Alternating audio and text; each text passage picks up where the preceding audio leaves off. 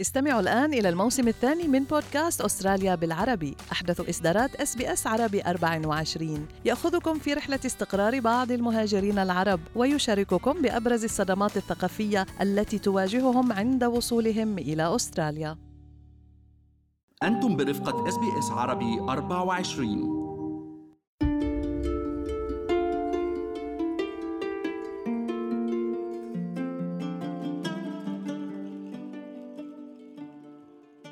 عشت بجوز 20 أو و22 سنة بحياتي إنه ما قدرت أحكي مع ابويا عن أي مشكلة مأثر علي.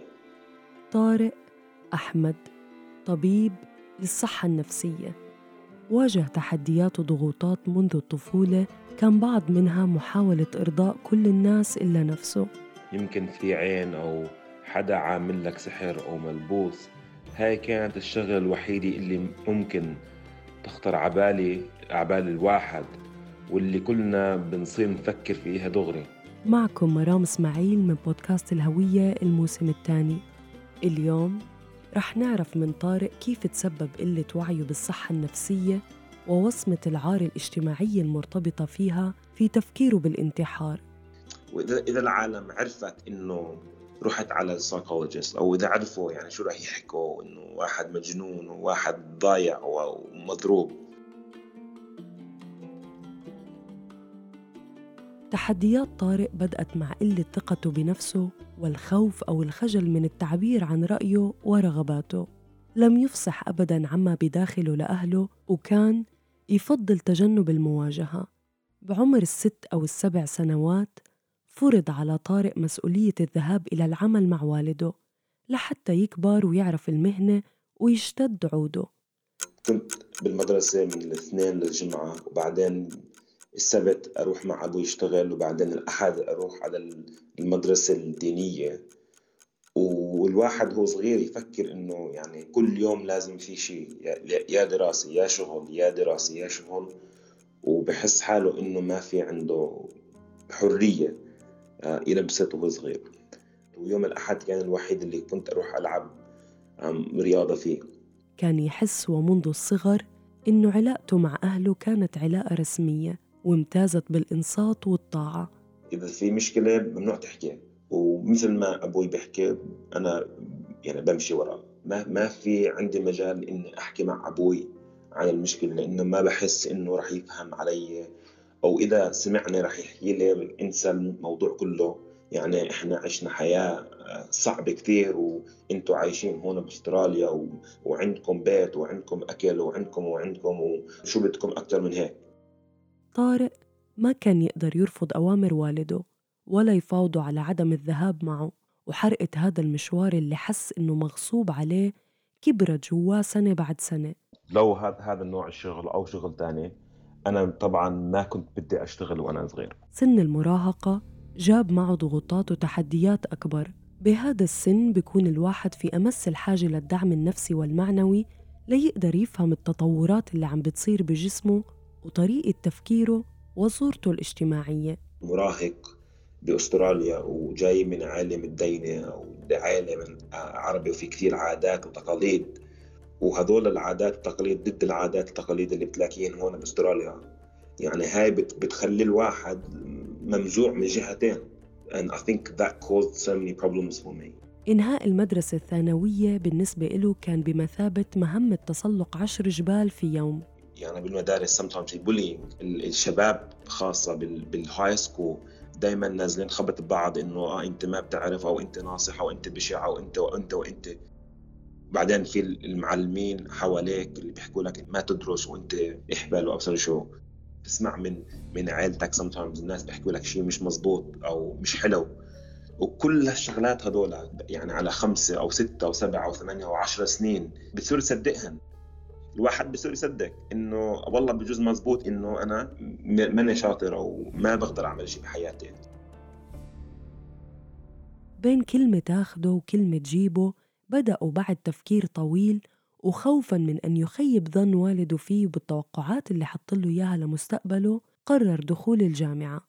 لو كان في عندي المجال إنه أنا أفكر شو بدي أعمل وعندي الأوثوريتي ال autonomy إنه okay this is what I want يعني big difference عملت big difference بنفسيتي وال health تبعي بهالموقع بحياتي. لم يعرف أحد بالدوامة اللي كان طارق عايش فيها والإفصاح عن الصراعات الداخلية لم يكن خيار متاح بالنسبة له ما قدر يحس إنه في حدا كان ممكن يسمعه أو يفهم اللي عم بيمر فيه.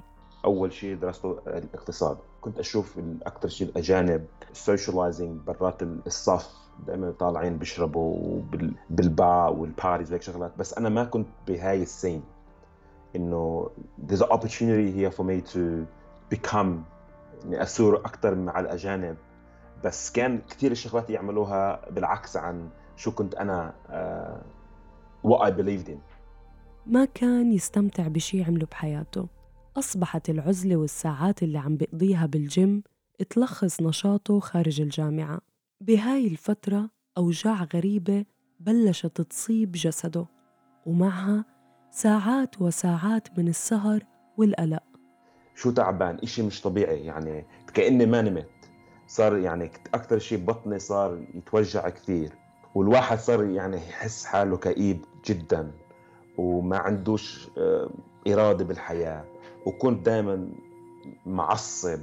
صارت شوي شوي تصير أكثر وأكثر وأصعب وأصعب بدون ما أعمل شيء هيك جسمي وصرت أبعد عن كل واحد بحياتي يعني أبعد من من أبوي وأمي وأخواتي وأصحابي.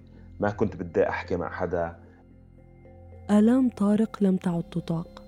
وقرر إجراء بعض من الفحوصات ليطمئن إنه ما عم بيعاني من أي أمراض الدكتور عمل تحليلات الدم وعمل test وتحليلات يشوف إذا في سيكسو أو إذا في celiac disease وكل ما يروح يعمل تفحيصات كل شيء بيجي perfect ما في مشكلة. أصبحت تصرفاته تثير قلق العائلة وقرروا يحكوا معه ليلاقوا حل لوضعه مرة حكوا لي طب ميبي في إشي يعني ميبي في سحر أو واحد حاطط عين عليك ليش ما نروح نعمل رقية؟ طارق كان مستعد يعمل أي شيء ليساعده يتخلص من الألم اللي عايش فيه وراح يشوف شيخ. بس كل ما أروح عليه بروح بنام بكون تعبان أكثر من اليوم اللي قبله. أنا بالنسبة إلي بهالمرحلة ما كانت مناسبة لأنه ما كانت آه، الواحد ملبوس وعينه هيك شغلات. وأنا بس صار يصير فيي هيك أروح على الشيخ و... وما كان يعني يتحسن الوضع تبعي. الواحد بصير يفكر يعني يعني حتى الرقية مش ما بتشتغل معي والواحد بصير يتباعد عن دينه ويتباعد عن ال community المساجد والمحلات ال worship. خلص بصير يتباعد عنه لأنه حتى أنتم ما بتساعدوا فيي. بس هو حكى لي خلص يعني ما فينا نعمل لك شيء. آه، كل هالعسل وكل هالبهارات وابصر شو وإقرأ قرآن وخلص بتروح المشغله منك. ما ضل قدام طارق غير الجيم لينفس فيه عن نفسه ويحافظ فيه على تماسك مظهره الخارجي. كأني عايش يعني ميت من جوا. وبلش يفكر لمين في يحكي عن حاله ولمين في يشكي وجعه؟ وخطر في باله واحد من أصحابه في الجامعة وقرر يحكي معه ويشوفه. كان يشتغل بهال بال space بال mental health يساعد ناس. صرت أحكي له عن الوجع الجسم والبطن والنوم بديش أشوف حدا ولا بدي أتعامل مع حدا. وبعدين صار صرنا نعمل اكسرسايزز حكى لي آه بدي إياك أول شيء تكتب لي بورقة شو بتفكر عن حالك. وبعدين حكى لي بدي إياك هلأ تقرأ كل شيء اللي حكيته عن نفسك. وبهالوقت هذا بلشت أعيط.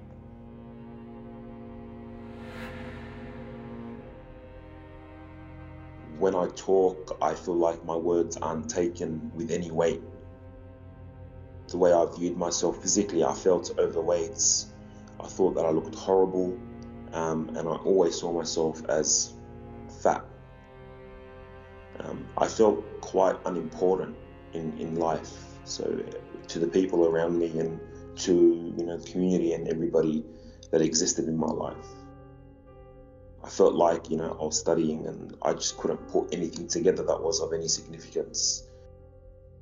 I'll never excel and be number one at what I do. And whenever I tried to make a change in my life, um, I was really impatient, you know, um, and that would lead to frustrations. Um, and I was always frustrated with my inability to achieve, you know, my inability to be well spoken or charismatic or important. You know, get really angry with myself because I say I'd want to start a task, but you know, to be a better person, but I never actually start. You know, um, and even if I did start.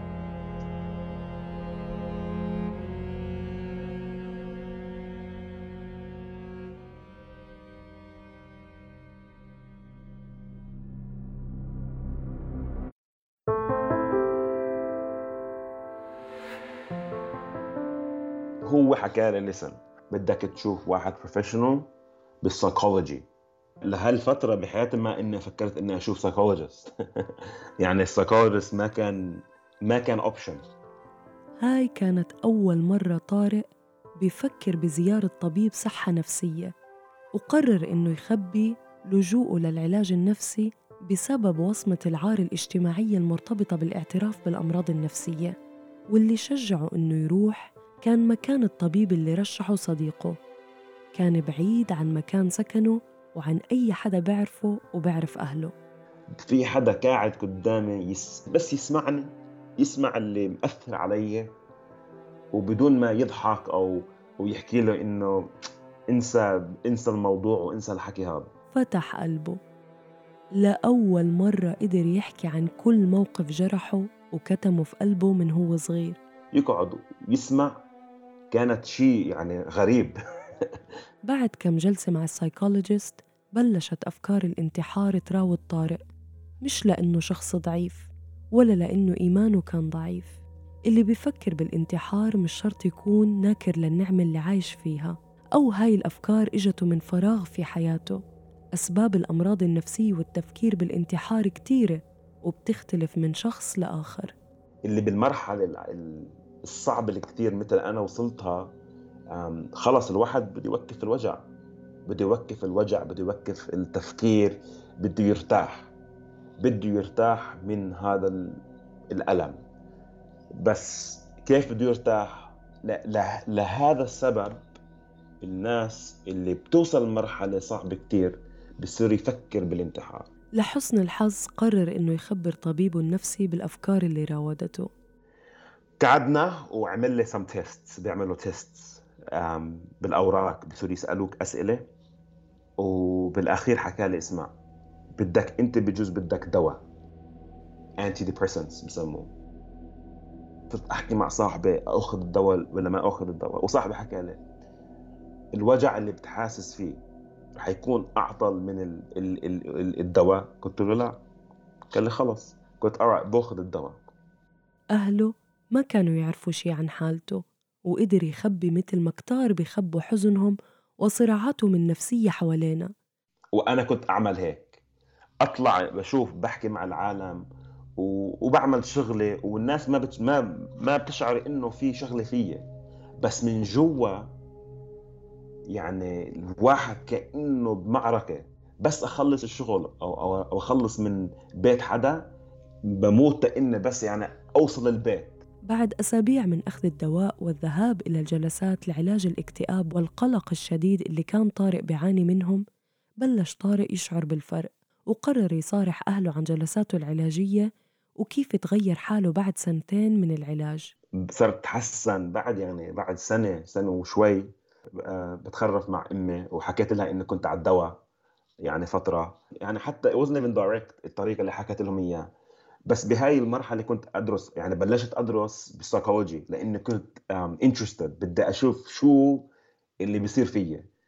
وصرت أعمل talks بال public وإمي وأبوي صاروا يشوفوا ال talks تبعوني. يعني حتى ال... مش كل ال- ال story حكيت لهم إياها directly طارق وصل لمكان أحسن كتير من اللي كان عايش فيه. وقدر يواجه بعض من الأمور والأشخاص اللي تسببوا بوضع الكثير من الضغوطات عليه في مراحل مختلفة من حياته.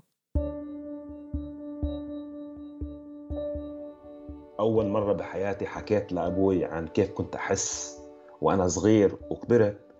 يعني هاي فتحت لي إشي يعني big turning point in my life. وأبوي كان حتى من من جهته يحكي لي لهالوقت لساتك بتفكر بهالشغلات اللي صارت من زمان؟ قلت له آه ومش قادر أترك الأفكار هاي لأنه مأثرة علي كثير. حكى لي I'm sorry يعني بدك ياني اتاسف لك؟ قلت له yes وتأسف لي وبهذا الوقت حسيت أول مرة بحياتي إني معي connection مع أبوي. لأنه خلص عرف إنه آه، في شغلات عملها أثرت علي وأنا صغير. وأول مرة بحياتي إنه حكيت له هاي الشغلة أثرت علي وهو كيف رد علي؟ رد علي بطريقة حلوة. خلص أنا بهذا الوقت بلشت أعيط وحضنت أبوي.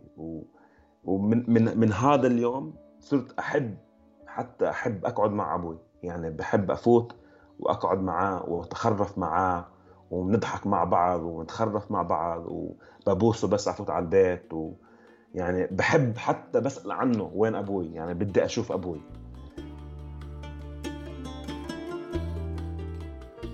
للحصول على المساعدة والنصيحة حول الصحة النفسية والتوتر والقلق يرجى الاتصال بالخط الساخن لمنظمة بيوند بلو على الرقم التالي 1300 22 4636 كنت معكم مرام إسماعيل من بودكاست الهوية لو عجبتكم الحلقة شاركوها مع أصحابكم واسمعونا بحلقة جديدة الأسبوع المقبل